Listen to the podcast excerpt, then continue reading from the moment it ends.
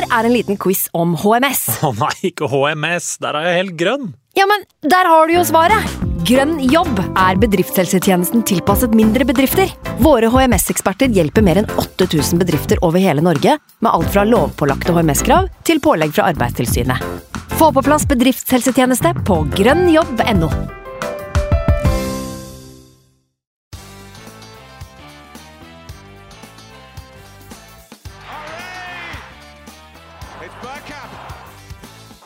Now. The next station is Arsenal. Velkommen skal du være til en splitter ny episode med Arsenal Station med Magnus Johansen og meg, Simen Goffeng. I dag blir det selvfølgelig prat om Liverpool-kampen. Vi skal diskutere om Aubameyang ville gjort seg bedre som midtspiss. I overgangsspalten får vi en siste anledning til å veie Awar opp mot eh, Party, før Magnus avslutter med sin eh, deilige X-spillerspalte, som vi gleder oss veldig mye til. Men eh, før vi kommer dit, Magnus, må vi høre litt om hvordan det står til med deg. Nei, det sitter jo en eh, ølhund her eh, og drikker Subo Light, for det var det eneste eh, som var igjen i kjøleskapet i kjelleren her. Så det er ikke helt eh, maks det, men eh, det er litt høytid å spille inn podkast.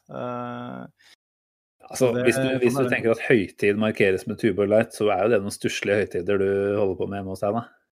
det er bedre enn glass vann eller eh, bringebærsaft, så da, da kjører vi Tuborg Light. Men eh, apropos hund, så hører jeg noen rykter om at eh, du er i ferd med å få deg en uh, kjøter eh, til gårds. Stemmer Ja, det? Vi har jo brukt uh, siste dagene vi nå på å fylle opp alt som heter uh, kvadratmeterplass på både stuegulv og andre steder med diverse hundeutstyr.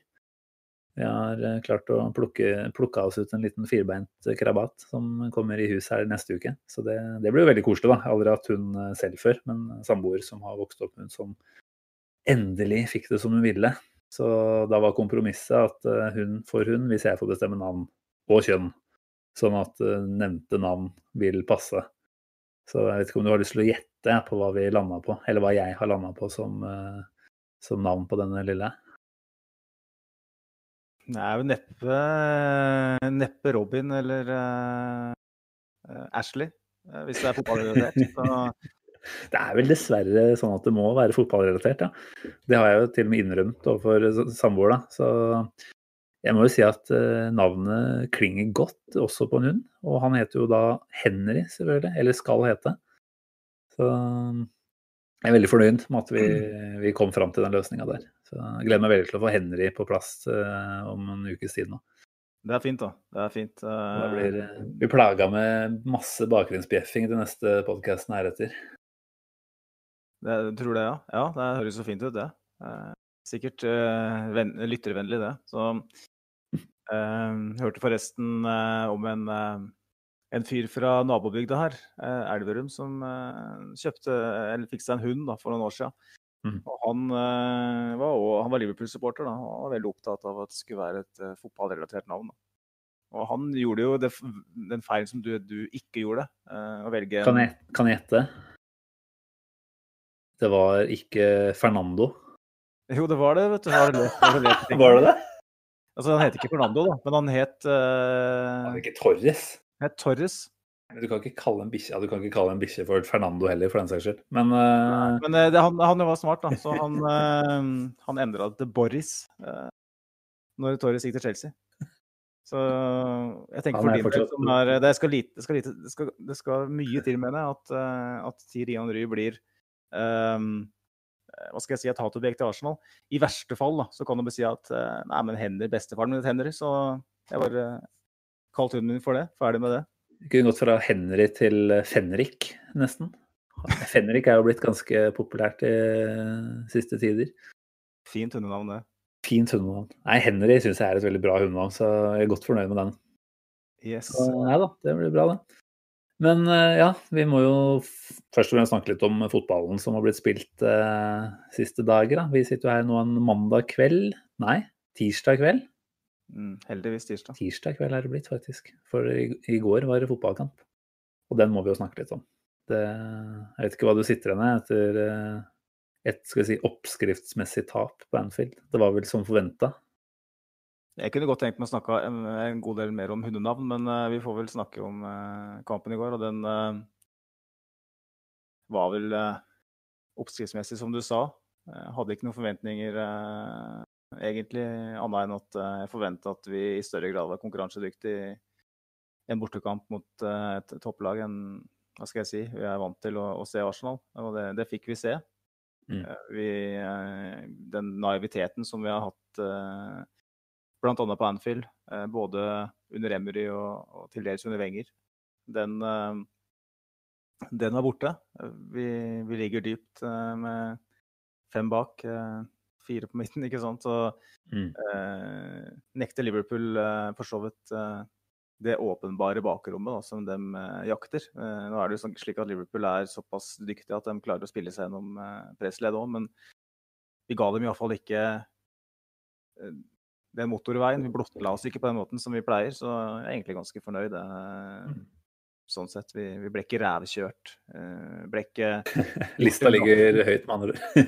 ja, men sånn er det jo. Sånn har det ja. blitt. Og som vi snakka om litt før sending, Simen, så jeg tror at Teta kanskje tenkte som så at i den kampen her får vi kanskje ikke all verdens ut av. Selvfølgelig så byr sjansen seg, så, så, så tar du den, men um, ja, det gjorde vi ikke. Skade, redusere skaden òg, ikke sant. Uh, var, mm. var vel en 5-6-0-tap uh, uh, ført til med, med, hele auraen rundt uh, klubben og mm. troa mm. på, på framtida.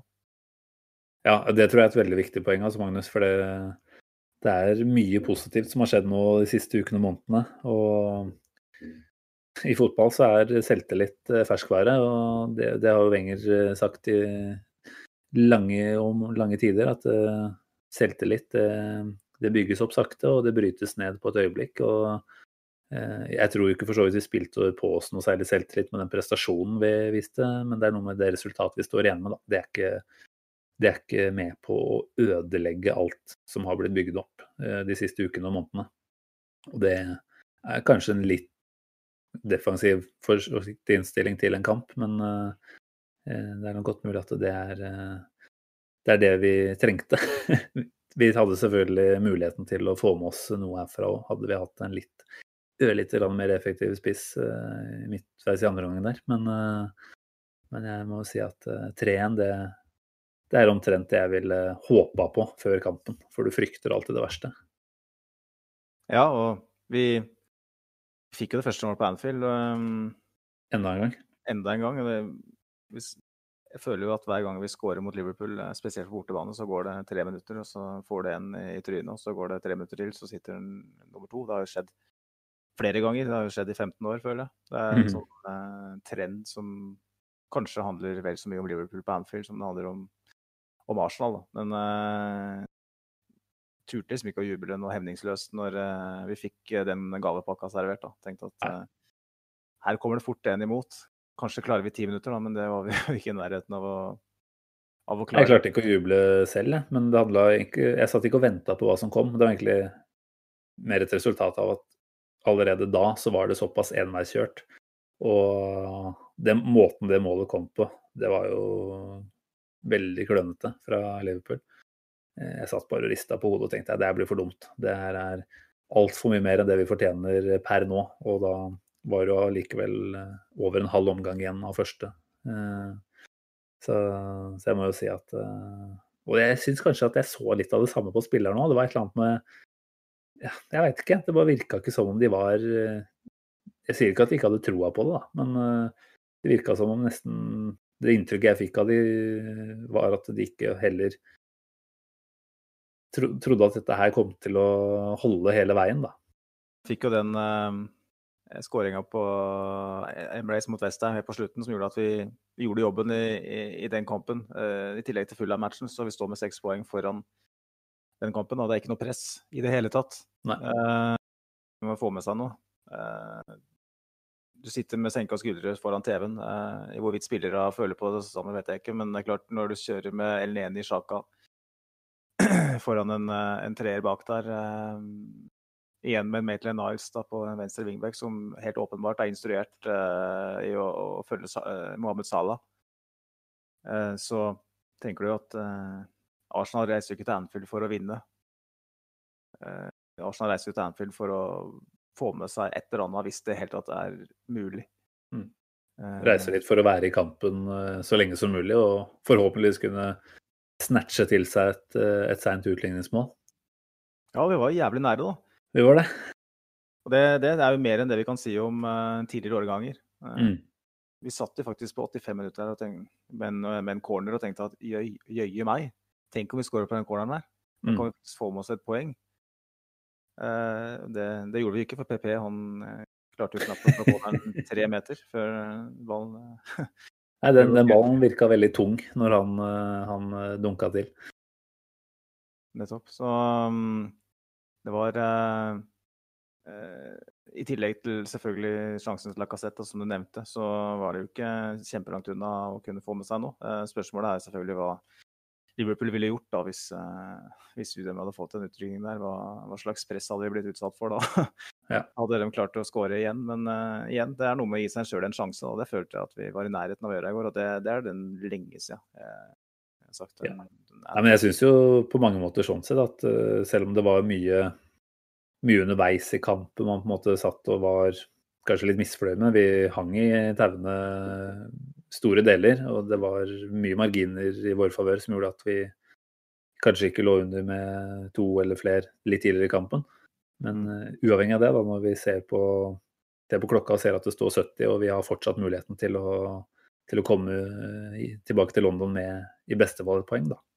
Og uansett et relativt hederlig resultat, så tenker jeg at det er på veldig mange områder en forbedring fra hvordan det har vært eh, i mange sesonger før. Så jeg, ja, nei, jeg tenker det var en eh, alt å vinne-kamp. Og OK, vi, vi vant ikke, men eh, det ødela heller ikke det momentumet som jeg tror eh, Arteta har, eh, har fått på plass i, i spillerne. Da.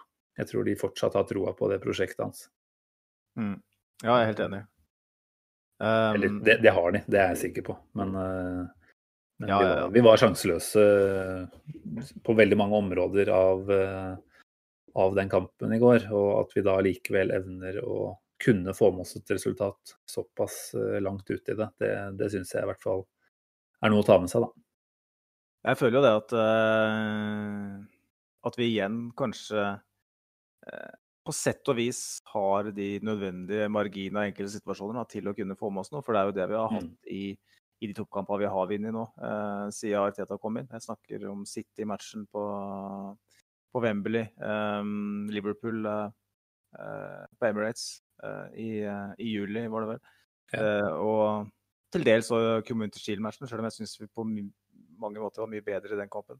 Ja da, det var jo en mye mer kontrollert opptreden på mange måter. Men Du må ha, du må ha de marginene da, en, en Ja, ja, motstander. Og det følte jeg jo til dels vi, vi hadde i går òg. Vi kunne jo også Maks uflaks så kunne vi ha blitt veldig stygt, selvfølgelig. Men samtidig eh, så var det ikke heller, heller ikke slik at, eh, at alt, gikk, alt gikk for oss i går. Vi, vi hadde en situasjon etter eh, var det et par minutter eh, hvor Sadio Mané leker eh, Andy Carroll og løper rundt med albua heva over huet omtrent, og, rett og slett nesten slår ned Kieran Tierney der. Eh, ja, det er mulig at eh, jeg har på meg supporterbrillene der, men jeg syns jo at det er et rødt kort. Så enkelt skal det være. Hadde det skjedd et stykke lenger ut i kampen, så tror jeg også sjansen for at det hadde blitt delt ut et rødt, er mye større. Jeg tror det skjer så tidlig da, at det rett og slett ikke bli tatt på det. Og så hadde han jo en eh, altså Samme Mané hadde jo en, eh, en liten greie like i forkant her, hvor han går ganske hardt inn seint på Bellerin. Noe som jeg også tenker at burde vært et gult kort eh, isolert sett. da. Men jeg tenker at når dommeren da legger lista dit hen at han ikke engang gir Han ga vel, han ga vel et frispark, men ikke noe mer på det. Så da har han på en måte valgt litt hvor utgangspunktet hans er hen, da. Så, men det er klart, hadde vi gått inn med 11 mot 10 i 88 minutter, så hadde jo dette fort kunne sett veldig annerledes ut. Ja, og det er Du ser jo, uten at vi skal nødvendigvis gå nøye inn på det nå, eh, så ser du jo hva dommeravgjørelser gjør med en fotballkamp. Eh, Vi har jo sett det gjennom hele helga, egentlig. Så var det jo kontroverser. Eh, Mm. Og eh, lag som fikk med seg poeng hvor du kanskje tenkte at det burde de kanskje ikke fått. Da. Så, Hvis vi snakker om Newcastle og Tottenham nå, så syns jeg absolutt at de burde fått det. Selv om det kanskje Ja, ikke er noe. Nei, det var jo en glede, selvfølgelig, men eh, Men det, er, det, er lov, det er lov å være litt bitter uh, etter Ja. den episoden, Ja. som du sier. For å snakke litt, bitte, bitte litt mer om det, da, så tenker jeg det brukes jo mange, mange minutter på å avgjøre hårfine offside-situasjoner. Uh, at det ikke brukes litt tid på Altså hvis dommeren er 100% sikker på at han har sett riktig, eh, så må han jo fortsatt kunne få en, eh, en beskjed på øret der om at dette her er styggere enn et gult kort. Og at det ikke da er mulighet for å ta en ekstra vurdering av den, eh, av den eh, relativt stygge greia til Mané, da, det, det syns jeg er litt eh, merkelig. Men, Ja, jeg, eh, blir jo, jeg er helt enig med deg. Det er jo helt idiotisk at de ikke tar en varesjekk på det, i det minste. mm, Eh, Du føler deg ikke ivaretatt som eh, som alle supporter eller eh, ja, Arsenal som klubb da, føler seg ikke ivaretatt av dommerstanden i et sånt uh, tilfelle. Når det, når du blir uh, meid ned på den måten, og så er det ikke engang gidder ikke å se på reprise engang når du har teknologien. da. mm. Uh, Så Nei, og jeg ble jo jævla forbanna i går da, på TV 2 og en god del andre på Twitter også, som sitter og sier at ja, men eh, Mané skulle bare ut og sette seg i respekt, liksom. Ja, men han gjorde jo egentlig Han utsatte jo eh, sitt eget lag Mm. for reell fare for å spille ti mann i 88 minutter nå. Det var jo helt idiotisk. Ja, ja da, han utsetter motspillet for fare. Altså, det er jo det røde kort er til for. For å unngå at uh, spillere går inn på en sånn hensynsløs måte, da. Altså taklinger mot uh, legg med knotter, det, det er du på en måte opplest og vedtatt nå. Det, det blir du nesten utvist på uansett. Eh, dette her er mot det mest sårbare punktet på kroppen din. Da. Altså det er mot hodet. Jeg vet ikke om det var tinning, eller om det var halsen, eller om det var siden av ansiktet, eller hvor, han treffer. Jeg. Men det er i hvert fall et område som er åpenbart veldig utsatt for, eh, for skader. Da. Han har ikke kontroll ikke sant? Han har ikke kontroll når han kommer inn sånn. Han vet jo ikke om han treffer tinning eller kjede eller hva han er. Så eh, det kan jo i verste fall eh, gå ganske galt eh, når Ja. det går inn på den måten. Så det bør jo straffes deretter. Men eh, Nei da, vi, eh, vi får la det være med det. Det ble en tøff, tøff affære, i hvert fall med 11 mot 11. Det er det eneste vi kan si sikkert. Eh, vi var vel under et ganske massivt press fra starten av. Så får vi jo da dette tidlige ledemålet. Komiske greier med dårlig forsvarsspill og en egentlig ganske dårlig avslutning av Lacassette, som man er heldig å se går over streken over Alison. Eh, jeg må allikevel si at eh, det var ikke mange minuttene etter at jeg satt og lengta til pause. For, eh, for da hadde jo William sluppet Var det Robertson bak seg på 2-1-skåringa og tatt en tidlig, tidlig garderobetur allerede. Eh, så det så ut som vi var eh, lite, lite på plass mentalt, var det egentlig jeg opplevde. Altså, det var jo et fokus på det defensive, men det, det svikta likevel mentalt og konsentrasjonsmessig en del eh, ganger. da. Jeg bare tenker på sånn som Bellerin, som ender opp med å kunne kaste feil innkast to ganger i samme kamp.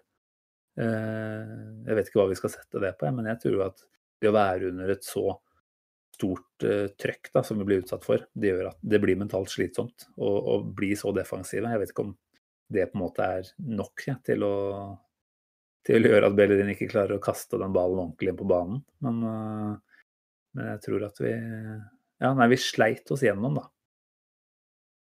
ja, eh, den høyresida spesielt fikk jo virkelig unngjeld, spesielt i første omgang. og vi skulle jo på dødelig spille oss ut, og jeg er, ikke, jeg er en av de som tenker at det på sett og vis er greit. Det er sånn vi, vi spiller, og, Mm. og bare pumpe ballen ut igjen Jeg vil jo bare si at vi taper den duellen på midtbanen, og så er det en ny bølge. Uh, men uh, det er klart uh, Rob Holding òg, som blir veldig stressa veldig ofte i den omgangen. han, han ender jo bare med å slå ballen fra seg gjentatte ganger. for at han Mm. Han, jo, han, han har jo klare mangler i den frispillingsfasen. Det, Ja. det, er å, det er jo lett å sympatisere med nå, eh, mot eh, verdens beste lag i, i akkurat den fasen. Så det er jo ikke lett. Og. Og han var jo ikke alene om det heller. Jeg må jo si vår helt Kieran Tierney hadde jo ikke noe god kamp, han heller. Og han også framsto veldig stressa i en del av de situasjonene hvor det var muligheter for å, for å spille seg bedre ut. Hvor han istedenfor uh, slo langt og i blinde og langt ifra en medspiller. Mm. Ja. Jeg vet ikke i forhold til laguttaket. Altså det var jo et par uh, små overraskelser. Uh, kanskje ikke noe overraskende at Gabriel blir benka med tanke på at hans posisjon i det laget nå har vært sentral stopper i den treeren. Og da, når Louise er klar, så skjønner jeg jo hvorfor han foretrekkes uh, i en kamp som dette her. Men, men hva tenkte du? Gabriel, var det en du, var det en du savna? Jeg vet ikke hvor mye forskjell han kunne utgjort. Eh, klart Han har jo vist veldig gode ferdigheter i, i pasningsspillet og i frispillingsfasen for så vidt, da, i de to kampene han har spilt. Men eh, i går så jeg er ikke sikker på om han hadde utgjort noen forskjell. Det kunne ha blitt eh, en vond opplevelse for ja. en spiller som har godfølelsen inne mm. Her nå, som er i ferd med å bygge opp en viss sjøltillit, bygge opp en viss kjennskap til laget, til, eh, til, eh, til ligaen osv. Så, videre. så det kunne, kunne ha gått riktig galt uh, for alt det, det, er det er godt poeng, det. altså.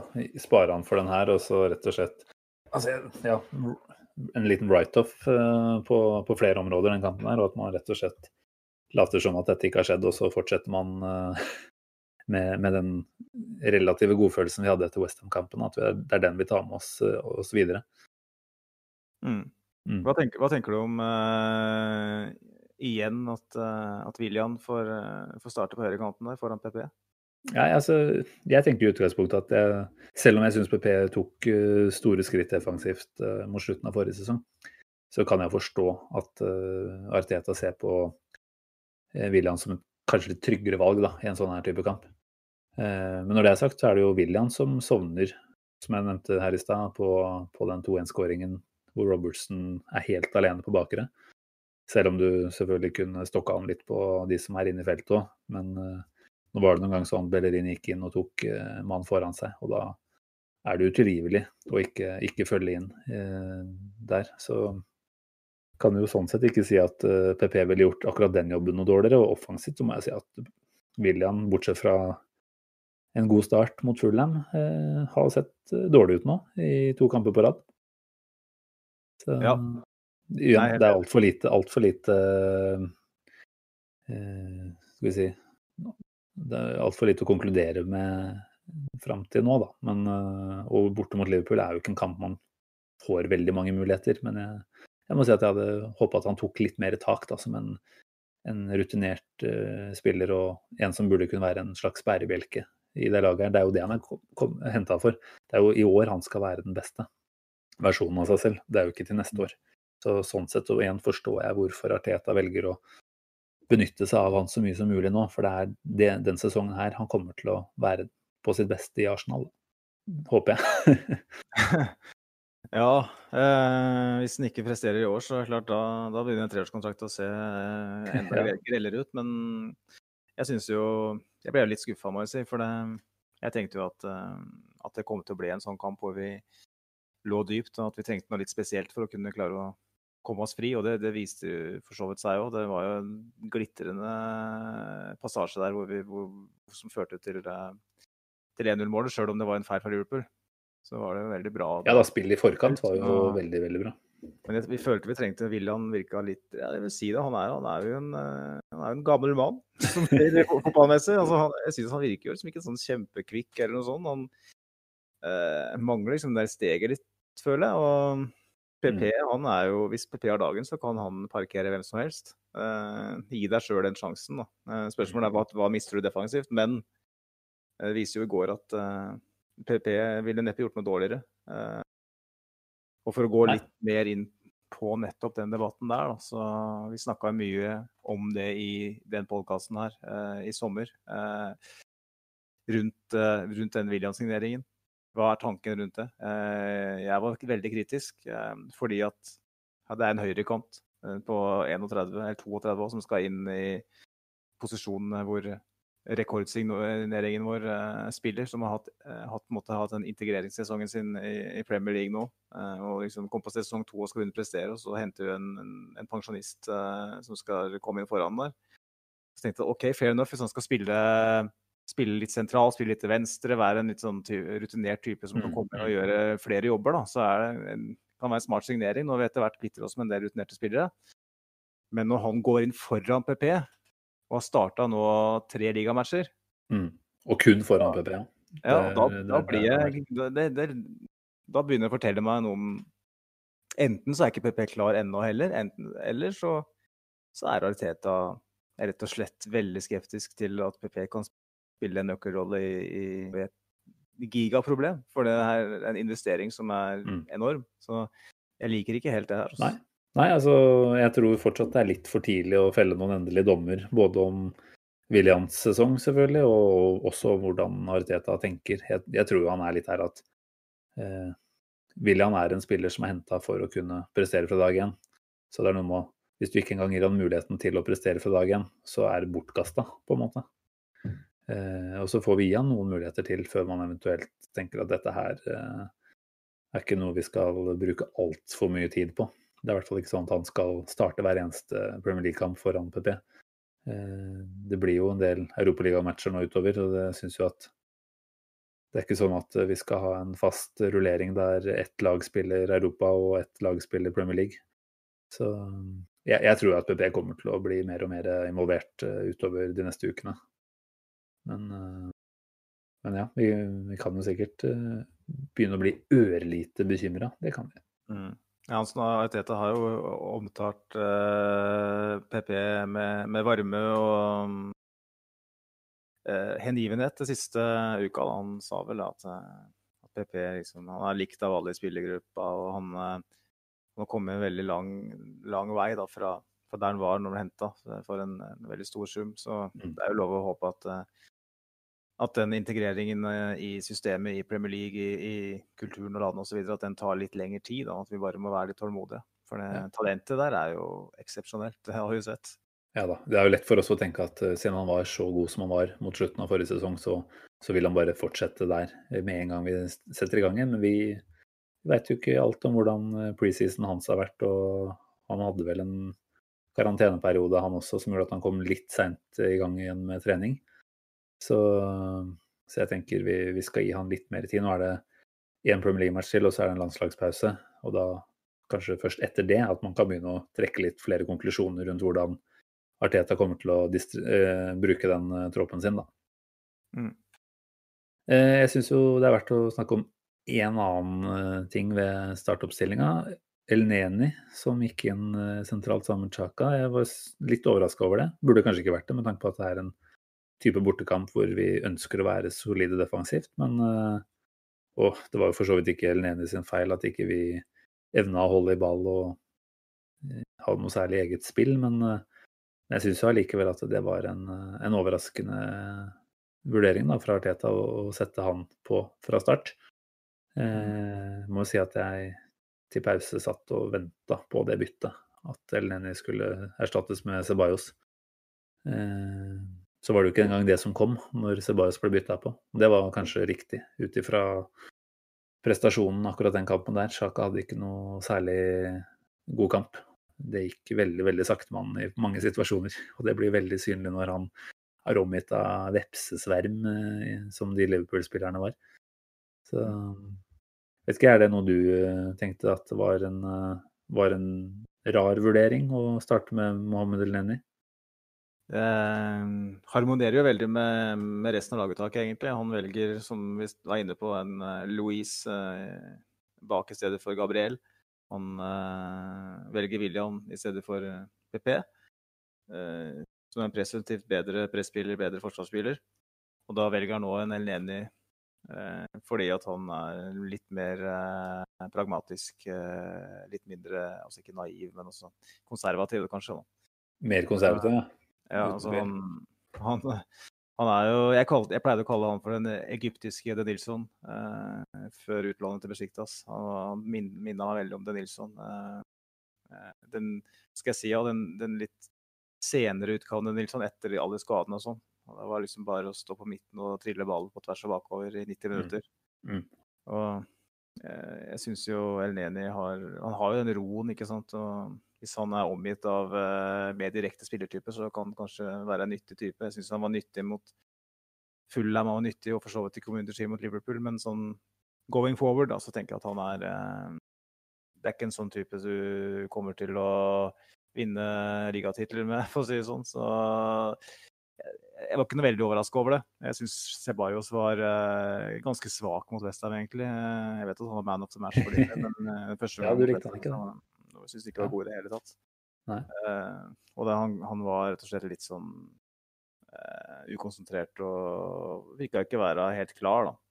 Og da tenkte kanskje at en El Neni som nå har spilt har spilt to, to matcher nå en sånn type kamp. Det handler på en måte bare om å helst ikke tape med skrekksifre. Så jeg forstår den, men det er klart Vi skal snakke om det litt senere i poden. Eh, behovet for forsterkninger. Eh, det er ikke slik at jeg tenker at Elneni er løsningen, for å si det sånn. Det, det trengs å gjøres noe den nærmeste uka hvis vi skal være med og kjempe om eh, Champions League-deltakelse.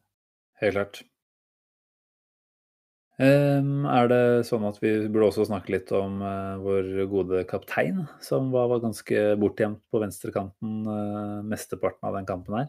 Jeg syns jo at han fikk vel ganske realslakt, egentlig, av TV 2. Både på, både på kommentatorplass underveis i kampen og i børsen etterpå. Jeg så han fikk en toer på en tierskala. Eh, han var jo stort sett eh, ikke så veldig involvert. Nå var det jo ikke noe det var jo ikke noe stor kamp fra noen av våre spillere, kan du si. Men hva tenker du om hans bidrag fra, fra venstresida der? Nei, Vi stilte jo det spørsmålet til uh, lyttere våre på Twitter. og fikk et par innspill som jeg syns er verdt å ta med seg. som jeg synes er verdt å ta med seg. Mm. Eh, Bård Hegseth eh, mener at eh, Auba er farligst med utgangsposisjon ute til venstre. En feilvendt Auba, noe en enslig spiss ofte blir, tror jeg ikke vi får mye ut av, mener han. Mens Stian Børling mener at Ava definitivt bør spille spiss, og at Laka jobber godt uansett hvor han spiller. Jeg er delvis enig med Bård her, egentlig. Um, jeg ser på en måte på Aubameyang som en spiller som ikke har det evne til å være en sånn link-up-spiller. Samtidig så ser jeg med bekymring på hvor lite involvert han er. Han eh, Altså for, foran mål. Han eh, Jeg satte meg ned og sjekka litt på tallene så langt denne sesongen der. Igjen. Ja.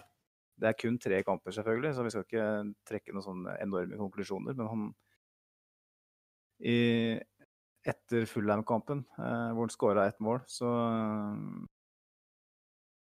hadde vel to-tre avslutninger. Så har han én avslutning på 180 minutter mot Westham og Liverpool. OK, Liverpool borte. Det ikke en kamp hvor så veldig mange spisser kommer til å ha veldig mye avslutninger, men i Westham hjemme så var han jo Ja, det, han var jo veldig isolert på venstresida der da òg. Mm. Og jeg sammenligna litt med eh, hva skal jeg si, ja, eh, konkurrenter om, eh, om gullstøvelen i Premier League. da. Angrepsspillere som forventer kommer til å skåre i nærheten av det samme som Aubameyang i løpet av 38 kamper. Og i tillegg et par uh, jokere da, kan du si, som har starta sesongen bra. Um, så ligger uh, per nå, da, etter tre kamper, så har uh, Aubameyang et uh, snitt på 1,3 avslutninger per kamp. Som er samme som Granit Xhaka. um, Lacassette ligger på topp for oss, han har to, da. Så det, vi skaper jo lite, selvfølgelig. Ja. Sadio Mané har 4,3. Salah 5,7. Harry Kane 4. Timo Werner 3,3. Callert Lewin fire Og Gabriel Jesus tre. Mm. Så han ligger liksom ja, Det er ganske drøye tall, altså. Ligger milevis bak, da. Uh, de andre målskårerne i ligaen. Og er, vi har kanskje den beste avslutteren i Premier League, og vi mm. klarer ikke å få den inn i skåringssituasjoner. Så Nei, og det er det som er det vanskelige her. Altså, vi ønsker jo å ha en på mange måter en spisstype som Lacassette er, i det oppbyggende spillet, vi, altså i forsvarsspillet kanskje ikke minst. Han, jo, han jobba jo veldig bra eh, i veldig mange faser av spillet i går, Lagassette, som han ofte gjør. Men det er jo når vi kommer alene med keeper, da, som vi gjør midtveis i andre gangen der, det er jo da vi ønsker at Aubameyang er mannen. Eh, det er vanskelig å, å, få begge de to der, da. Eh, så jeg, mm. ja, nei, jeg synes det er, det, er, jo ikke ett enkelt svar på det, det spørsmålet der. Uh, Men, men det jeg tenkte, var at jeg syns jeg så en tendens til at Aubameyang i noen større grad trakk litt mer inn mot midten når Enketia kom på. Og da lurer jeg på er det så altså For det første vet jeg ikke om det stemmer, men hvis det stemmer, er det sånn at Lacassette og Aubameyang har blitt fortalt at de skal ha så definerte posisjoner at ikke det der nesten er aktuelt. Mens eh, Arteta tenker at Enketia i større grad skal kunne ta et litt, eh, ja, et litt ansvar ut på venstrekanten og la Aubameyang eh, komme seg inn i, i, midten i de situasjonene han ser det som eh, hvor, det, hvor, det, er muligheter da, for å komme på noen farlige overganger eller, eh, eller løp gjennom eh, sentrale posisjoner. Jeg vet ikke helt jeg, om det er noe du også registrerte der? Nei, jeg har ikke tenkt så mye over det. Det er et interessant uh, poeng. Um, men så takeawayen er jo egentlig at han uh, kom, det, er, det er ikke Aubameyang som, som får de, de gylne sjansene. Du ser at Nketia, uh, som på en måte er litt mindre definert i, i stilen, da, har skåra to mål nå på eh, den forrige uka som gikk. Eh, to litt klassiske spisskåringer. Mm. Eh, garantert en Aubameyang òg ville, ville, vært der hvis han hadde spilt i den rollen. Men når han på en måte blir da isolert ute til venstre, så Klart Vi så i forrige sesong, han skåra veldig mye i fjor, men han hadde òg en langt høyere sånn såkalt En lavere XG, som, som er den nye måten å måle eh, hvor eh, farlig en spiss er. Um, han skåra på langt flere sjanser enn jeg er vant til å se. Tidligere skåra han gjerne på én av tre. I fjor skåra han jo på to, to av tre. Mm. Um, og da tenker jeg at OK, det, at han utvikler seg som uh, spiller er jo veldig bra, men er, vi, vi, må jo Vi er jo nødt til å få mer uh, få han mer i farlige situasjoner. Da. For det, når du har mm. verdensklassetalent, og nå betaler han fort en 3,5-4 millioner i uka, så da må du jo eh, klare å spille på stryken hans. Og det er selvfølgelig kun tre kamper, og vi skal ikke konkludere i dag. Men det, det, er interessant uansett å se hvordan det utvikler seg eh, utover sesongen. For det klart, hylekoret kommer til å ta, ta av hvis det her går en tre-fire matcher til nå, og vi ser samme tendensen. Og ikke minst hvis vi ser at det er et skille der før og etter kontrakt. Han signa jo før Westham-kampen. Mm. Så vi får se. Vi satser på at han kommer seg opp på skåringshesten igjen så fort som mulig. Men jeg må jo si at det, det ser ut til at en del av, altså at motstanderne kanskje i større grad Igjen, veldig lite eksempler å, å benytte seg av, men kanskje blir det litt greiere og greiere for motstanderne å demme opp da, for den trusselen vi har, som er veldig definert fra venstresiden nå. Eh, jeg tror nok at eh, i den grad det hadde vært mulig, så skulle Laka og Aubameyang switcha litt mer underveis i kamp. da. Uten at jeg tror eh, det skulle vært lange intervaller av gangen, bare for å rett og slett skape litt forvirring og usikkerhet hos de andre da, om hvor, hvor skal, hvem skal man følge hvor. og det, det blir kanskje litt for for satte posisjoner, som gjør at uh, utgangspunktet for forsvareren er at de har litt for god kontroll mye av tida. Ja, for det er klart vi, er, vi framstår som relativt forutsigbare så lenge vi mm. har de verktøyene vi har per nå. Um, og det Skulle vi få inn noe kreativt på midten nå neste uke, så kan jo det å frigjøre Aubameyang i større grad offensivt. Så det er jo nøkkelen til alt, egentlig, føler jeg. Det er nok, er nok det. Vi, igjen, vi kommer tilbake til det litt seinere eh, mot overgangsspalten vår. Eh, ja, men altså, vi spilte mot det du sier, da. Verdens beste lag eh, sannsynligvis på verdens vanskeligste arena. De har ikke tapt der på over tre år. Eh, så at vi ikke kommer hjem igjen med noe, det, det er for så vidt greit, får vi, får vi, si. Det viktige nå blir jo å ta tre poeng på direkten mot eh, Sheffield United til helga. Eh, vise at dette her eh, eh, det var en Vi kan ikke kalle det arbeidsuhell, men vi kan kalle det en, en write-off. da. Det var ikke en kamp som vi på en måte skulle ha med oss noe i, men vi må opp igjen og få med oss det vi skal av poeng nå med en gang, for ikke la det bli en trend som får lov til å få fotfeste.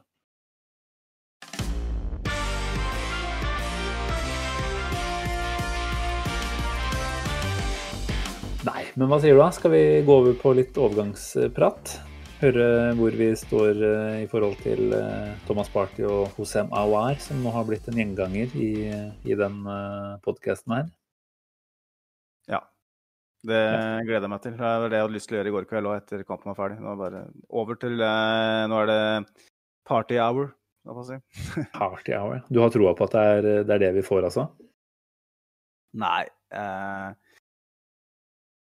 det virker jo veldig som om det er eh, altså Party hour var en, en vits, da, for at hour kan høres ut som hour. Men eh, ja, Sorry. Jeg, men, jeg, legger meg flatt. Beklager. Det var veldig, veldig dårlig av meg. Det er greit, det er sent. Men uh, det virker jo veldig som om det er uh, Awar som er uh, the chosen one da, for uh, Arsenal og Arteta. Det er han som mm. Det er heftig aktivitet rundt.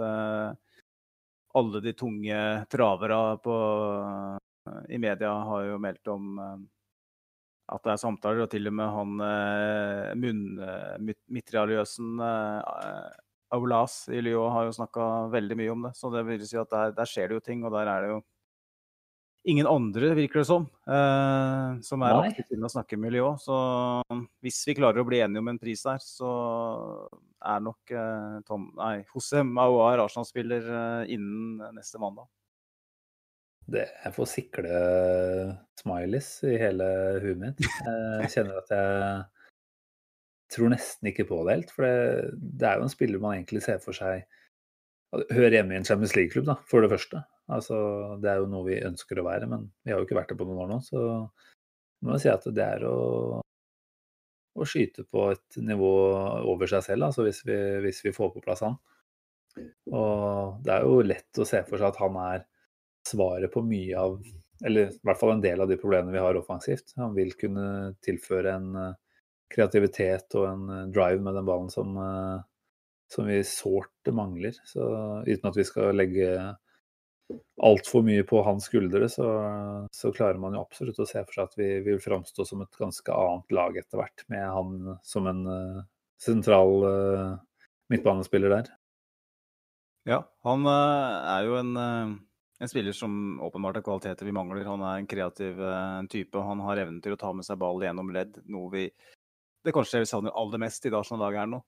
For det blir mye på tvers og diagonalt. og Det å gå direkte gjennom, det, det evner vi ikke. Eh, og de fleste motstanderne har skjønt det, så de legger press på de spillerne som, som i utgangspunktet skal forsøke å gjøre det. Da. Jeg har jo satt meg ned og sett litt på tallene her òg. Det vil si jeg har lent meg Ja, Du skulle jo sammenligne han og Eller skal vi si du har, om det i hvert fall tall som sammenligner han og Thomas Party?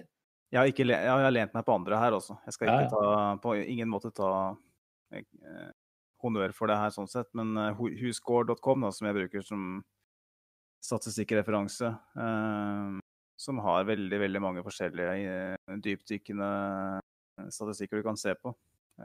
Det, det nettstedet har i tillegg laget en hel artikkel om om Party AOR eh, sammenligna, men også sammenligna med, med Shaka Ceballos. da. Mm. Tatt noen sånne nøkkelstatistikker og sett litt på hva er det eh, Hva slags tall eh, hadde dem i forrige sesong? Eh, og det som på en måte er litt eh, iøynefallende her, er jo at, eh, at, Thomas Party vinner nesten alle statistikker her. Um, ja, det er spennende. Og en del, del, statistikker som du ikke forventer at den skal vinne òg. Han, eh, for å ta det mest åpenbare, han Eh, han gjør flest taklinger i løpet av 90 minutter. Uh, 2,5 uh, per 90, mens Awar er 1,3. da. Ok, men Den forventa jeg, så det er greit. Forventet, uh, vår beste heiser var jo sånn, er jo på 2,4, så sånn sett så er jo ikke det det mest interessante her. Men uh, det, som mest, det, som er mer interessant, er jo hvor mange ganger han vinner uh, de, duellene. Da. Han mm. har en suksessprosent på 68,6, mens AOR, nei, ikke AOR, men skal vi si Sebajos er 51. Da. Så det er ganske stor forskjell. Mm. Um, Ballgjenvinninger så ligger han uh, sammen med Ceballos uh, med 1,7 som det beste. Der ligger Aouar og, Sjaka på henholdsvis 0,6 og 0,7. Uh, og ja, Aouar er kanskje, det er kanskje ikke litt urettferdig sånn sett, men igjen, hvis vi skal velge én spiller da, som skal gi oss mest mulig, så er jo det definitivt noe å ta med seg. Ja, det er et spennende tall, det der, altså. Og skal huske på at det er La Liga-tall da, for uh, Party, som jeg vil rangere et hakk over uh, liga Mm. Så, nei, det er, og så er det klart det er en spiller som er veldig etablert, kontra en spiller som fortsatt er under utvikling. Eh, men jeg må si at jeg ble overraska når du kommer med noen av de offensive tallene der. Altså, det hadde jeg ikke trodd. Fordi det kommer Det mest interessante gjenstår. Um, Statistikken for nøkkelpasninger er også gjengitt her, og der, der ligger Aouar med 1,1 per kamp, mens Party er 0,6. Um, mens Ceballos har 1,1, det samme som, som Aouar. Um, igjen, uh, nøkkelpasning kan være litt vanskelig av og til å, å, å definere, syns jeg. da. Um, De lærde strides der, tror jeg. Ja. Men der, så kommer det mest interessante. Antall driblinger uh, Forsøkte driblinger per kamp. Der ligger jo både Aouar og Party milevis foran eh, Shaka Ceballos. Aouar ligger jo på topp med tre eh, forsøk per match, mens eh, Aouar ligger på to, som er mer enn jeg kanskje Party ligger på to, ja. ja mens. Eh, Shaka er 0,9 og Ceballos 1,4. Ja. Det vil si at her er jo Aouar, eh, med tanke på forsøk eh, og i, eh, i, progressivt spill, langt foran de andre. Men hvis du ser på hvor mange av de driblingene som faktisk er vellykka, så er jo Thomas Party den spilleren, eh, iallfall per juli 2020 eh, og den sesongen som var, gikk, da, den spilleren eh, i topp fem-liga Europa som hadde høyest eh, prosent på vellykka driblinger. Han hadde helt opp i 89,1% Ja, mm. han ligger dypere i banen, men det er likevel et monstertall. Det er et tall som slår Tiago Alcantara på det tidspunktet.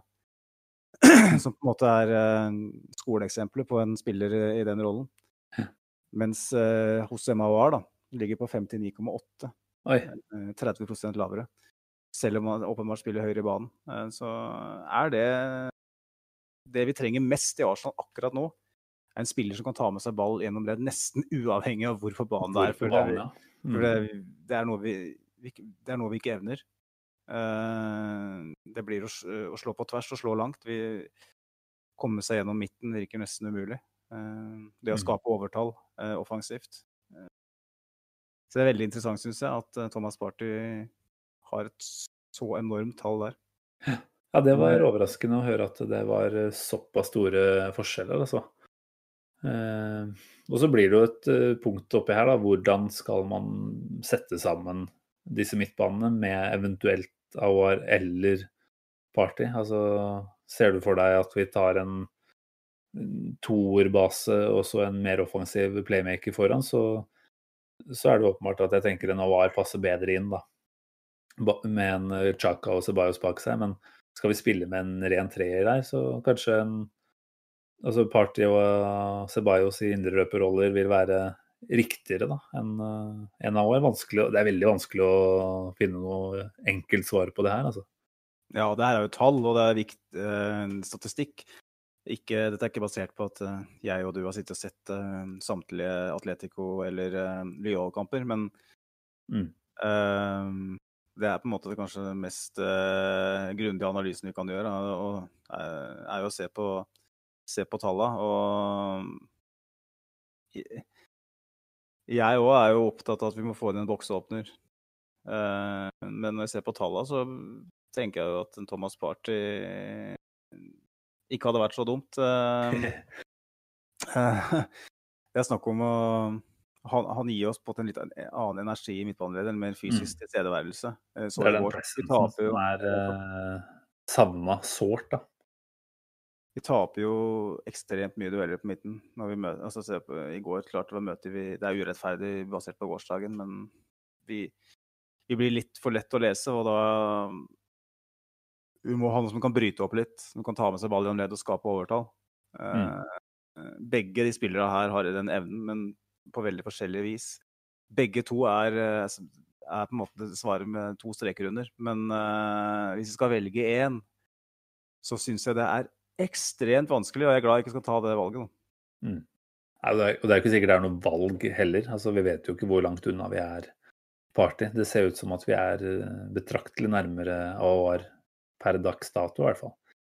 Jeg har jo vært eh, ganske positiv i den overgangsspalten her tidligere til at vi klarer å hente begge to, men jeg må jo si at jeg nå ser at tida begynner å renne ut. Eh, Det nærmer seg 5. oktober med stormskritt, så om vi får på plass én av de, så skal man vel kanskje kunne si seg ganske fornøyd med det, da.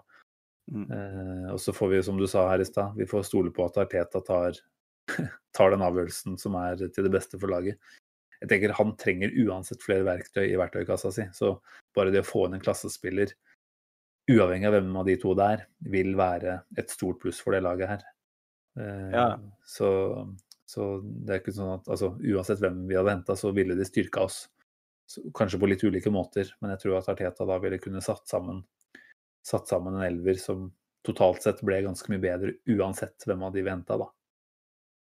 Vi stilte jo det spørsmålet til, uh, til lytterne våre på Twitter og fikk eh, tre svar eh, som alle fortjener en plass på podden. Uh, Selvfølgelig.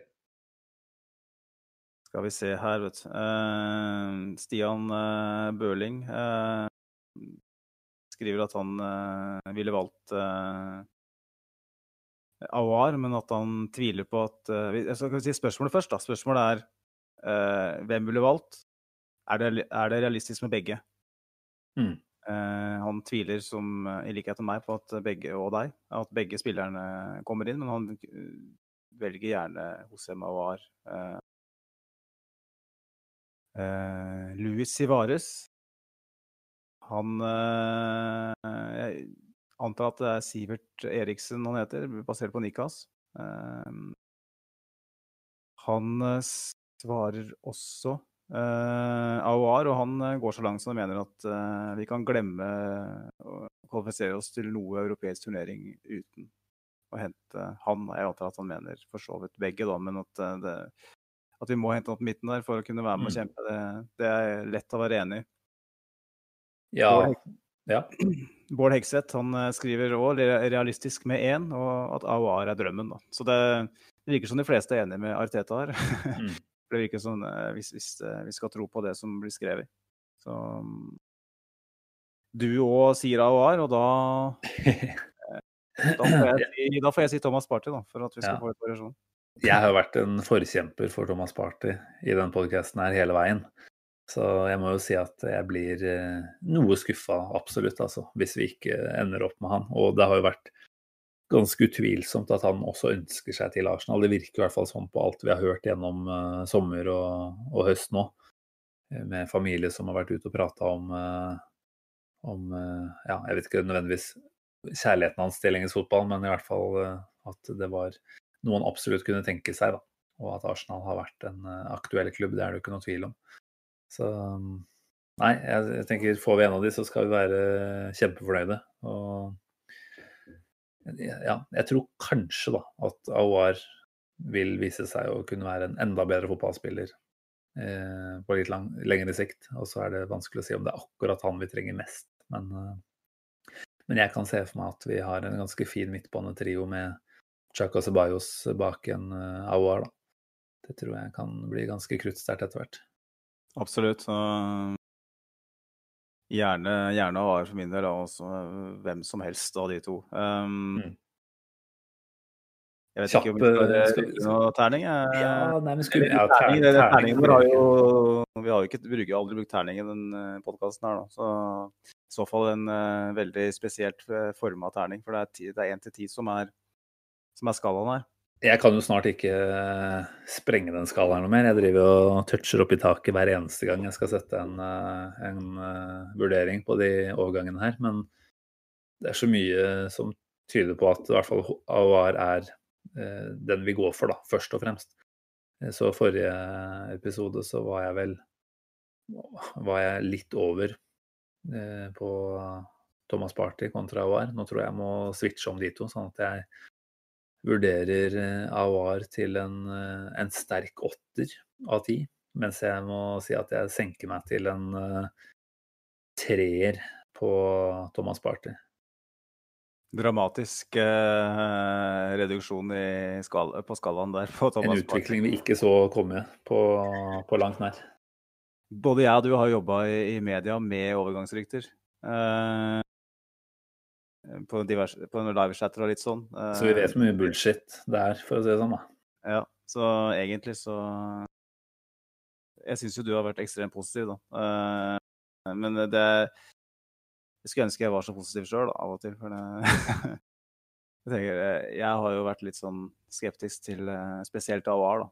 Men eh, for nå er vi på eh, Men det er vel, det er vel han vi er inne på nå, så basert på det som har skjedd de siste dagene, og alt vi har hørt, så Og nå har Olas på en måte begynt med krampetrekninger, som jeg kaller det, når han begynner å snakke hver, da, hver eneste dag om, Ja. om en spiller. Så legger jeg meg faktisk eh, Da er jeg enig med deg på åtteren. Åh, så fint, da. Da tror jeg det skjer, jeg. Ja. Dette her tror jeg skjer. Men uh, ja, vi teller ned, da. Det er eh, en uke til overgangsvinduet stenger, så det skal jo helst skje noe ja, hver eneste dag nå. Men vi, vi hører jo nok en gang vel om at uh, vi, vi, det, er, det er noe utvikling, og det er uh, kommunikasjon mellom uh, Edu hos oss og Juninho, da, som er en annen brasilianer i sportsdirektørrollen hos Lyon. Så det er jo sånn sett også et klima sannsynligvis for gode samtaler, vil en tro. Ja, vi har, eh, vi har litt balletak eh, på det greiene her nå, føler jeg. Eh, det er nok Alvar som er prioriteten. Det kan, det kan godt hende at det handler litt om hvor gjennomførbar dealen er òg. For det er klart at eh, i Thomas Party sitt tilfelle, da, før vi ruller terning på han, så er det snakk om å betale hele utkjøpsklausulen på 50 millioner euro i sin helhet umiddelbart, kontra en, en, en, en AOR hvor det kanskje kan struktureres over flere år. da. Helt sikkert. Og, så det- kan være et aspekt der, men eh, det sies jo da at eh, Arteta er eh, veldig solgt på, på Awar. Ja. Nei, jeg, jeg syns jo jeg ser at uh, Arteta kan være en fin mentor eh, for Awar òg. så jeg tror det kan bli et fint uh, en fin eh, relasjon etter hvert, ja, altså.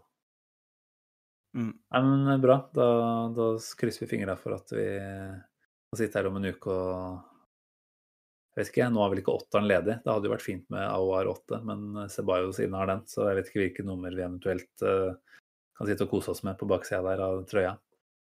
Det var noen som drev og Hva skal jeg si? Ja, konspirasjonsteoretikere på Twitter som eh, hadde bilde av Øsil med nummer ni på Nei, det var bare Ja, det blir for dumt. Jeg så det samme. Men uh, det, er, det, er, det var selvfølgelig bare, bare tull. Men uh, en anekdote i, så- i så måte. Men en nummer 11, tenker jeg, er et hett, eh, tips. Ja, ja. Vi får Men se. Thomas, Part- Thomas Party, ja. Hvis det Ja. blir eh, partytime i Nord-London, hvem hva, Du satte åtte på han sist, gjorde du ikke da? Ja, syv tror jeg var nede på sist, og nå gikk jeg ned til tre. Men, men, som Ja, du sa det, stemmer det. stemmer det. Da er det jeg som skal sette karakter der nå. Um, og da må man jo tenke litt uh, helhetlig på det. Og Ettersom AOR da sannsynligvis kommer inn, så setter jeg en toer på Thomas Party. Ja, men det, det er akkurat det jeg forventa av deg. Men uh, bare hvis Thomas Party ikke kommer inn, da, og vi ønsker oss en ekstra midtbanespiller inn der, så har det vært et par andre navn som har vært nevnt. Uh, Bobakari, tror jeg han heter. Soumaré. Han er vel også Lill-spiller, så det er jo absolutt en, en gjeng vi vet hvordan vi skal gjøre business med. Eller det kan vi også sikkert uh, diskutere. Vi vet jo hvordan vi skal gjøre business, vi bare skal betale dobbelt så mye som det egentlig er verdt, så blir det gjort. Men uh, det har vært nevnt da, som et litt billigere alternativ, alternativ til Thomas Party, dersom han ikke skulle komme.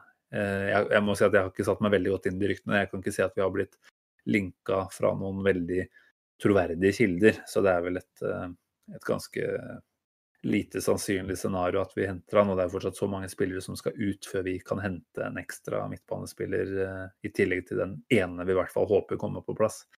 Så, så jeg må jo si at jeg tror det er tynne sjanser for det. Er det en spiller du har noen som helst du tenker noe rundt, eller? Nei, altså Jeg har ikke gjort noe research på kredibiliteten her. eh, Jeg pleier å følge med på Jeg følger godt med på de Hva skal jeg si av de kildene Troverdige. troverdige kildene. Så for meg så er det helt uh, også veldig urealistisk. Nei, greit. Vi gidder ikke å sette karakter på det, da. Uh, I tillegg så er jo det er en annen der som en annen eh, En joker. Eh, i Jeg vet ikke om jeg liker den jokeren noe særlig godt. Det er ikke så mange som liker den jokeren der, tror jeg. Eh, men her snakker vi om Her skal vi et stykke opp på skalaen. Det er Jorginho. Jorginho. mener det, altså. Ja. Ja. Eh, la meg bare si at eh, at allerede i juli så fikk jeg nyss om at det var en interesse der. Ja, Eh, jeg husker jo at du nevnte det, og så avfeide jeg det ganske fort og tenkte at dette her Jeg vet jo at uh, du tidvis uh, har uh, gått nyss eh, i, i det som skjer, før det skjer, men uh, jeg syns jo det her hørtes uh, veldig rart ut.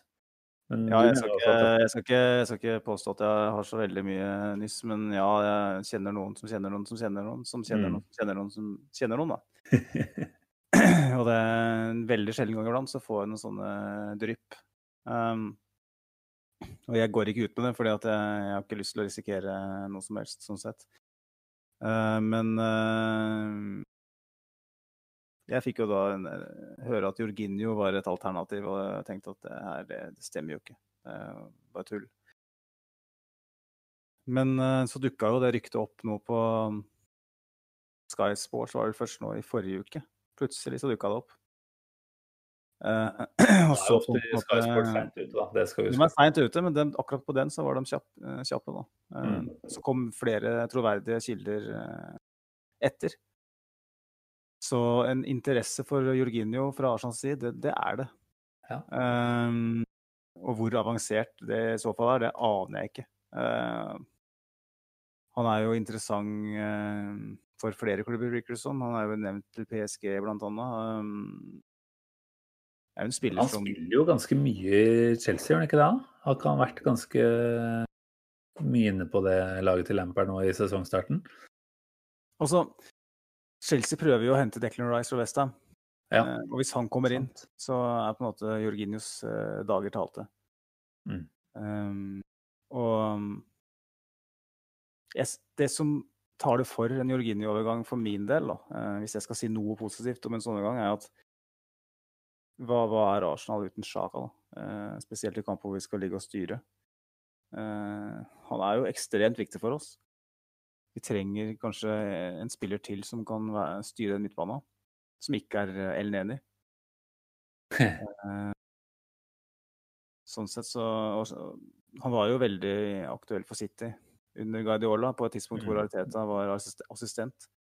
Det kan godt hende at Ariteta Veldig poeng. veldig, veldig sansen for han. Så Ja. det her ser jeg ikke på som usannsynlig. Hvis, West, hvis Chelsea får en Declan Rice fra Westham det, Mm. det virker som Chelsea bare kan kaste blodpenger rundt omkring og få det de vil ha. Så alle leketøy som er tilgjengelige, dem, dem tar dem. Og derfor så Ja, Ja. Hvor sannsynlig ser du på det? Jeg setter på fire, og det syns jeg er ganske høyt. da. Eh, Når det er snakk om et eh, på et veldig tidlig stadium eh, ryktemessig eh, fortsatt. Ja. Nei, altså Igjen, vi kommer vel helt sikkert til å se at i hvert fall Torreira forlater oss, da. Og Gundosi, selv om han har fått vært med å trene litt igjen, virker jo ikke å ha noe særlig høy standing hos Arteta fortsatt. Så, så det er klart at vi må jo, vi må jo ha inn folk på den sentrale midtbanen der. Ja. Men uh, han kosta jo ganske mye da, da, da Chelsea kjøpte han for et par-tre sesonger siden.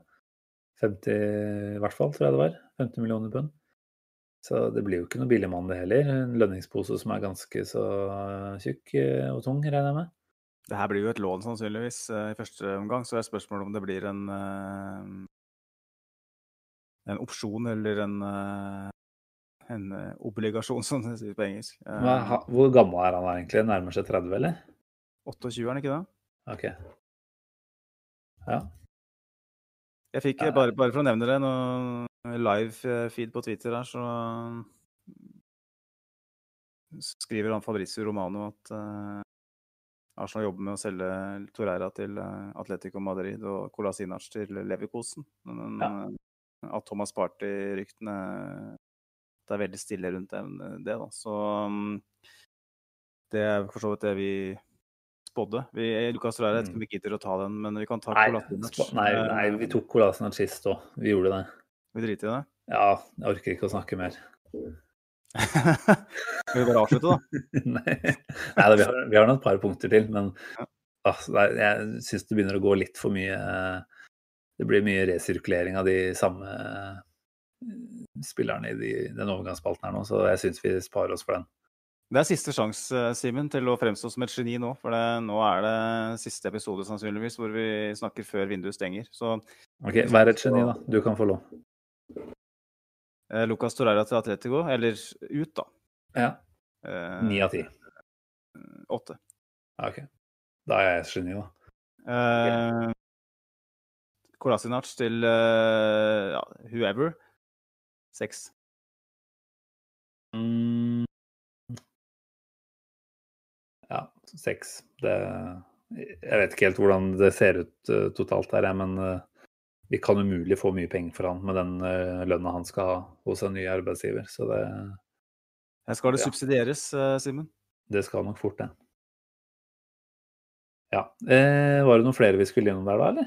Det eneste som jeg syns er verdt å nevne når vi snakker om overgangsvinduet, er jo overgangsdeadlinen. altså nå vet vi at 5. oktober er eh, siste frist for å signere spillere eh, i utgangspunktet, men på Premier League sine nettsider så, så understrekes det jo at det er en annen deadline i tillegg da, som også gjelder, og det er eh, 16. oktober, eh, hvor da Premier League-klubber har muligheten til å gjøre handler med eh, altså andre engelske klubber som ikke er i Premier League, såkalt IFL-klubber, da fra championship og nedover. Eh, så Premier League-klubber kan jo ikke gjøre dealer eh, med hverandre, men altså med, med klubber i lavere divisjoner. Det kan jo by på et par seine jokere, kanskje.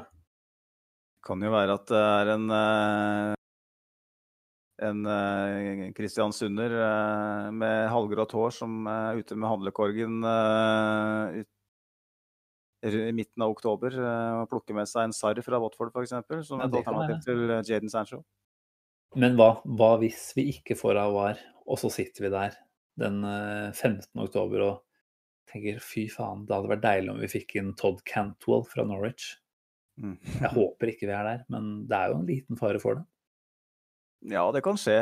Eh, vi, vet, vi kjenner jo ikke finansene til klubben så, så tett. Og i tillegg så snakkes det om at vi har litt for mange såkalt eh, utenlandske spillere. Mm. spillere som ikke er eh, opptrent i England nå. Fra er det Mellom 18 og tre 21-årsdagen. at- Stemmer, stemmer. Mm. Uh, at vi må kvitte oss med noe før vi kan registrere nytt. Mm. Uh, vi kan jo la være å registrere Øzil og Gendosi, da, men uh... Jo, det skjer jo fort uansett, det i verste fall. Men det er jo, det er jo litt interessant, det. Eh, men klart Henter vi spillere fra, fra championship, så kan det jo være spillere som er homegrown. Da. Eh, som et eh, nødalternativ. Eh, jeg klarer ikke helt å se hvem det skulle være. Den eneste spilleren i championship som jeg tenner litt på, er han Ben Rama på, Mm. på, på Brentford. Da. Men eh, han er vel- venstrekant. Ja, og han nærmer seg vel Crystal Palace eller Fulham eller noe sånt også, tror jeg. Men, men det er ikke noen tvil om at uh, championship er nok et marked vi kanskje kunne ha med fordel sett litt nærmere på. Altså, det har jo blitt gjort uh, gulle gode signeringer derfra. Den første Ja, jeg ja. tenker på, det er jo Andrew Robertson, selvfølgelig. Som uh, Han var vel for så vidt i Premier League en sesong eh, med Hull før de rykka ned òg, da. Men, eh, men det er noe med å og ja, ta for seg det markedet der og se at det går an å gjøre ganske gode dealer. Da. Du får i hvert fall eh, ofte en innstilling og mentalitet som er gull verdt. Ja, hvis du har det i tillegg til kvaliteter. Du, ser, du nevnte jo et eksempel. Du tenker James, James Madison nå. Ja. Eh, som kom fra Norwich til, til Leicester. Eh, eh, ekstremt bra spiller Mm. også, som helt klart kunne ha vært et alternativ for oss òg, hvis, hvis ikke han hadde vært en milliard, som sikkert Leicester skulle hatt for ham. Så, Nå er han et alternativ, men han var kanskje ikke det når han var Norwich-spiller. Det er noe med å ta det mellomsteget og, og kunne herje, herje litt uten altfor mye press først. det, det er klart. Um, men det er noe med å ta en sjanse på en sånn spiller. eh, Kanskje, kanskje må du Ja. ta et utlån eh, et år, da. eh, Før det virkelig svinger. Men det er mye, mye å hente der. Jeg tror ikke det er der speidinga vår er retta mot, først og fremst, da, for å si det sånn. Nei, nei. nei. Eh, vi, kan, vi kan jo ganske langt snakke derifra. mer om det senere, men uh, er det Er vi ferdig med, Ja. Jeg eh, anser meg selv som veldig ferdig. Jeg tenker vi, vi kommer til å komme tilbake med en ny eh, episode like etter overgangsvinduets slutt. Så vi kan jo ta for oss eh, enda litt mer av hva som har blitt gjort og ikke gjort da. Eh, nå vil jeg veldig gjerne hoppe over til det jeg har gleda meg mest til i dag. Jeg sitter her og vært litt sånn småsigen et par eh, minutter her nå og tenker at eh, jeg vil veldig gjerne rette alt fokus nå mot din X-spillerspalte. Kunne vi ikke fått, uh, fått siste utgave av, uh, av eh, du har, den du har tatt for deg av en gammel helt nå?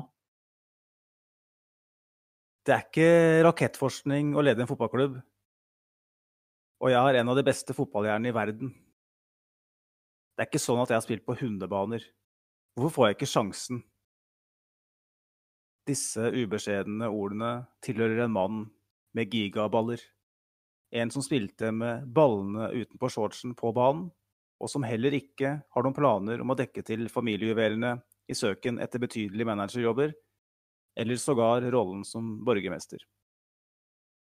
Så hvorfor får han ikke sjansen? Vel, er det lov å antyde at vedkommende kan fremstå som en gale-Mathias? Denne galskapen har dog gagnet oss, som er glade i ballsparkende menn i rødhvite skjorter. For hvordan skal man egentlig klare å erstatte det beste forsvaret siden Drøbaksundet 1940? Jo, man begynner med å hente en koloss fra motpartens rekker. En splitter pine gal desertør som gjerne tar rollen som hatobjekt, forræder og Judas. En med panserballer, uanfektet av mishagsytringer og skyts fra sine tidligere allierte. Det beste offensive arsenalet i ligaen trengte verdens mest ettertraktede stoppertalent for å kunne fortsette å torpedere ryggende forsvarslinjer rundt omkring i det britiske imperiets teiger. Og for en dødelig effekt den nye stopperen fikk. Mens hans tidligere rekkekamerater ble pepra ned og vant fuck all, ble det feira dobbelttriumf noen kilometer lenger sør. Etter kun én sesong sammen med Arsenals største forsvarsgeneral noensinne, tok mannen med panserballene dirigentpinnen. Tony Adams kunne levere fra seg rustningen, vel vitende om at flåten var godt bevoktet i kommende slag. Som ligaens beste stopper og selvskreven på landslaget var karrieren på høyden. Og kun tre år etter deserteringen plantet vår mann flagget for alvor, i sin gamle lekegrind, prydende med erkerivalens uniform. Arsenal hadde vunnet ligaen i dritthølet, med Spurs aller største Judas i en nøkkelrolle. Steven Spielberg kunne neppe skapt heftigere dramaturgi, og legendestatusen var sementert en gang for alle. Det skulle bli ytterligere én FA-cuptriumf samt en scoring i en europacupfinale før den legendariske forsvarsspilleren søkte nye jaktmarker. Han forlot klubben under en sky, men med de beste mulige skussmål. Troy Deeney kunne bare prøvd å snakke om cojones på den tiden. Mannen med messingstellet returnerte også til klubben på lån noen år senere, og viste også da en fightervilje og en oppofrelse som inspirerte unge talenter i en litt annen utgave av Arsenal. En rørende påminnelse om at galskapen fortsatt eksisterte. Galskapen vi nå kan følge gjennom hysteriske Instagram-stories, hvor han med stråhatt og runde briller gjerne tar oss med på sene lunsjpauser i herskapelige hager. Double, double, double. Salseer Jeremiah Sol Campbell has won the double. Jeg syns det var på sin plass jeg, å komme med en eh, ekte legende nå, etter et par uh, trauste opptredener fra Yayo Sonogo og André Santos. Det her var eh, et hyggelig gjensyn, eller gjenhør, må jeg si. Herlig, herlig type. Og har vel gjort seg ikke minst like legendarisk for noen av de Twitter-videoene han har lagt ut siste par åra. Uten at jeg kan si at jeg husker akkurat hvordan den går. Så han er jo en eh, artig skrue og, og person eh, også utenfor fotballbanen. Men på fotballbanen, fy fader, for en knallhard granittblokk han var. Kunne sikkert via mye mer oppmerksomhet på midtstopperen Sval Campbell, altså, men uh, det er liksom hele historien rundt fyren. Uh, mm. Og måten han i tillegg fremstår på, på Twitter og på Instagram etter karrieren, som gjør at du, måte, det gjør at du får et sånt inntrykk av at her er det Du skjønner at det her er den fyren som uh, forlot Tottenham. valget og forlot Tottenham ja. som kaptein uh, til fordel for Arsenal. Du må være gal for å gjøre det, uh, selv om vi som Arsenal-fans selvfølgelig tenker at det er fornuftig. Men han, uh, han vant jo The Double i sin første sesong. og så vant han i 2001-2002, og så vant han åpenbart ligaen i 2004 igjen som en del av Invincibles.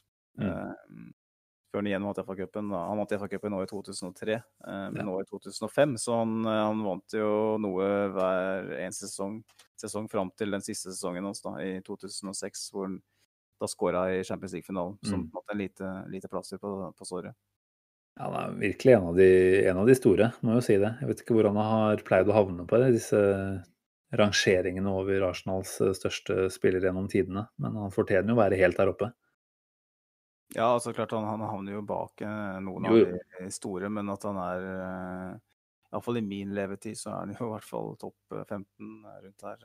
Ja, ja, jeg ville si noe rundt topp 10, ja. Så det Nei, men det syns jeg var en bra, en bra, et godt valg, Magnus, å ta, ta for seg Sol Campbell nå. Trengte det etter et tap. Er det ikke det som har blitt greia nå, at etter et et godt resultat, så går det greit med en, eh, en gammel klovn. Mens etter et dårlig resultat, så må vi ha et hyggelig gjensyn med en tidligere, en tidligere storhet. Hvis Arteta er uh, den, eh, virkelig store i manageremnet, så blir det mange flopper som får kjørt seg framover. Ja. vi har jo en del å ta av, så jeg tror det skal gå fint. Men eh, du, la oss bare ta to ord på tampen her nå vi, om, eh, om, de kommende kampene. Eh, nå har vi Liverpool borte mot uh, i, i Carling, nei, Carling Cup heter det kanskje ikke. Det heter Carabao Cup. heter det. Carabao kan vi bare bli enige om at vi gir total beng i den kampen og stiller reservelaget? Ja, det håper jeg jo det, men uh, jeg, jeg, tipper jo at vi kommer til å stille relativt uh, sterkt igjen for å unngå det der slakten. Så vi får se. Men uh, jeg er mer opptatt av det som skal skje. Egentlig, Vi har jo en, sjef, en kamp mot Sheffield United på søndag, er det vel, men det er jo mandagen som står høyest hos meg nå. Mandagen er viktig, men jeg vil jo si at den kampen mot Sheffield United er kjempeviktig. Altså, det er noe med å få uh, den kortvarige Eller den, den, nedturen her nå så kortvarig som mulig. Det med å, vinne med en gang etter man har tapt, det er, det er utrolig viktig. Og skal vi være med i en topp fire-kamp, så tror jeg ikke vi Altså Vi vet at vi ikke kan kaste bort uh, to eller tre poeng hjemme mot et lag som Sheffield United, men det, det gjorde vi i fjor. Og det, det, må vi for all del unngå å gjøre det nå, altså. Så jeg, jeg tror det er uh, det er litt sånn Jeg skal ikke si et tidlig være eller ikke være, men, uh, men det sier igjen mye om hvilken spillergruppe og hvilken mentalitet Arteta har klart å, å få på plass. da. Mm. Hvis, hvis vi nå i verste fall ikke går ut og, og tar tre poeng mot Sheffield United, da begynner jeg å bli litt, litt bekymra allerede, kjenner jeg. Så ja, det er, det er veldig viktig. Men ja, mandagen òg, den blir spennende. Ja, jeg tenker at vi, at vi kanskje skal, skal, prøve å få til en, en pod da eh, Kanskje midten av neste uke, da. Så vi mm. kan oppsummere, oppsummere overgangsvinduet litt og se tilbake på Sheffield United-matchen. Det syns jeg høres ut som en veldig, veldig, veldig god idé. Forhåpentligvis så blir det litt å snakke om i den eh, oppsummeringsepisoden der. Det, det, er jo ikke sånn at vi har vært dødelig effektive på overgangsmarkedet denne sommeren heller, selv om vi har fått på plass et par ålreite dealer relativt tidlig, så, så, er det en del som gjenstår, altså. Så du og Høss Fami har en jobb å gjøre de neste dagene føler jo at Arsenal er litt sånn som uh, en del bekjente av meg er på, før jul. At uh, det blir mye flakslodd og konfekt på bensinstasjonen lille julaften. Ja, det er vel dessverre det vi, vi snakka litt om det før sending, at vi er eh, tilsynelatende ikke alltid så godt uh, preparerte i forkant av et overgangsvindu at vi Eller i beste fall uh, i overgangsvinduet før et overgangsvindu. Det er jo helst da vi skal vite hva vi har lyst til å gjøre. Og så ha muligheten til å i verste fall vente med å få på plass den ideelle spilleren. Men eh, vi går nok oftere ut og får på plass en liten reserveløsning. Det har i hvert fall vært gjennomgangsmelodien de siste, siste åra. Dessverre. Ja. Nei, men du, det var eh, fint å få en eh, liten prat om Arsenal igjen. Selv om det ikke har blitt så mange poeng siden forrige gang vi var på lufta, så, så har det jo som alltid skjedd en del da, i, i den verden her. Så jeg kjenner at jeg gleder meg allerede til neste episode. Og da, da er det vel etter hvert en uh, bikkjebass på, på plass her også, så det blir spennende å se hvordan det skal gå. Jeg bare ønsker lykke til med den nye Henri. Takk. Du har jo unge selv, så du veit jo litt om hvilket ansvar som eh, plutselig havner, havner i huset her. Uten at vi skal sidestille de to helt, så ser jeg jo at uh, friheten får seg en kraftig innskrenkelse her. Du kan alltids uh, ta en luftetur uh, og og spille i podkast etterpå, så det bør ikke bli noe problem med tanke på våre Hva skal jeg si, ja? Ikke ukentlige, men uh, iallfall innen åtte-ni dagers mellomrom, så bør vi klare å snakke litt piss og litt fornuftig om Arsenal. Ja, det syns jeg vi skal satse på å fortsette med. Nei, men takk for praten i dag, Magnus. Det var uh, veldig bra. Vi uh, høres igjen om en uh, drøy ukes tid, tenker vi, og sier bare på gjenhør så lenge. Ha det bra.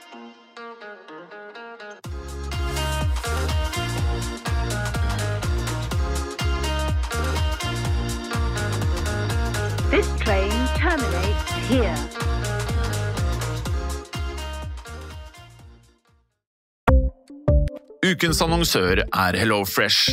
HelloFresh er verdens ledende matkasseleverandør og kan være redningen i en travel hverdag. Mange av oss har nok vandret i butikken både sultne og uten en plan for middagen, som ender med at vi går for de samme kjedelige rettene gang på gang. Middag burde være dagens høydepunkt. Som HelloFresh kan du nå velge mellom 25 ulike retter hver eneste uke, eller få HelloFresh til å sette sammen menyen for deg. Dette gir deg muligheten til å prøve nye og spennende retter alene eller sammen med familien. Du velger antall porsjoner og får alt levert på døren på et tidspunkt som passer for deg. Oppskriftene er enkle, og maten er lett å lage både for store og for små. Ved å få alt levert hjem får du også mer tid til å dele matgleden med familie og venner. Kanskje det frister med asiatiske tacos eller greskinspirert kylling? Da kan jeg anbefale deg om å gå inn på hellofresh.no. Her kan du bruke koden FOTBALL og få opptil 1779 kroner i rabatt på de første fem matkastene hvis du ikke har prøvd Hello Fresh tidligere. Du kan også bruke rabatten hvis du har vært kunde og stoppet abonnementet ditt for tolv måneder siden eller lengre. Gå inn på hellofresh.no og bruk koden FOTBALL. Har du et enkeltpersonforetak eller en liten bedrift? Da er du sikkert lei av å høre meg snakke om hvor enkelt det er med kvitteringer og bilag i fiken, så vi eh, gir oss her, vi. Fordi vi liker enkelt. Fiken superenkelt regnskap.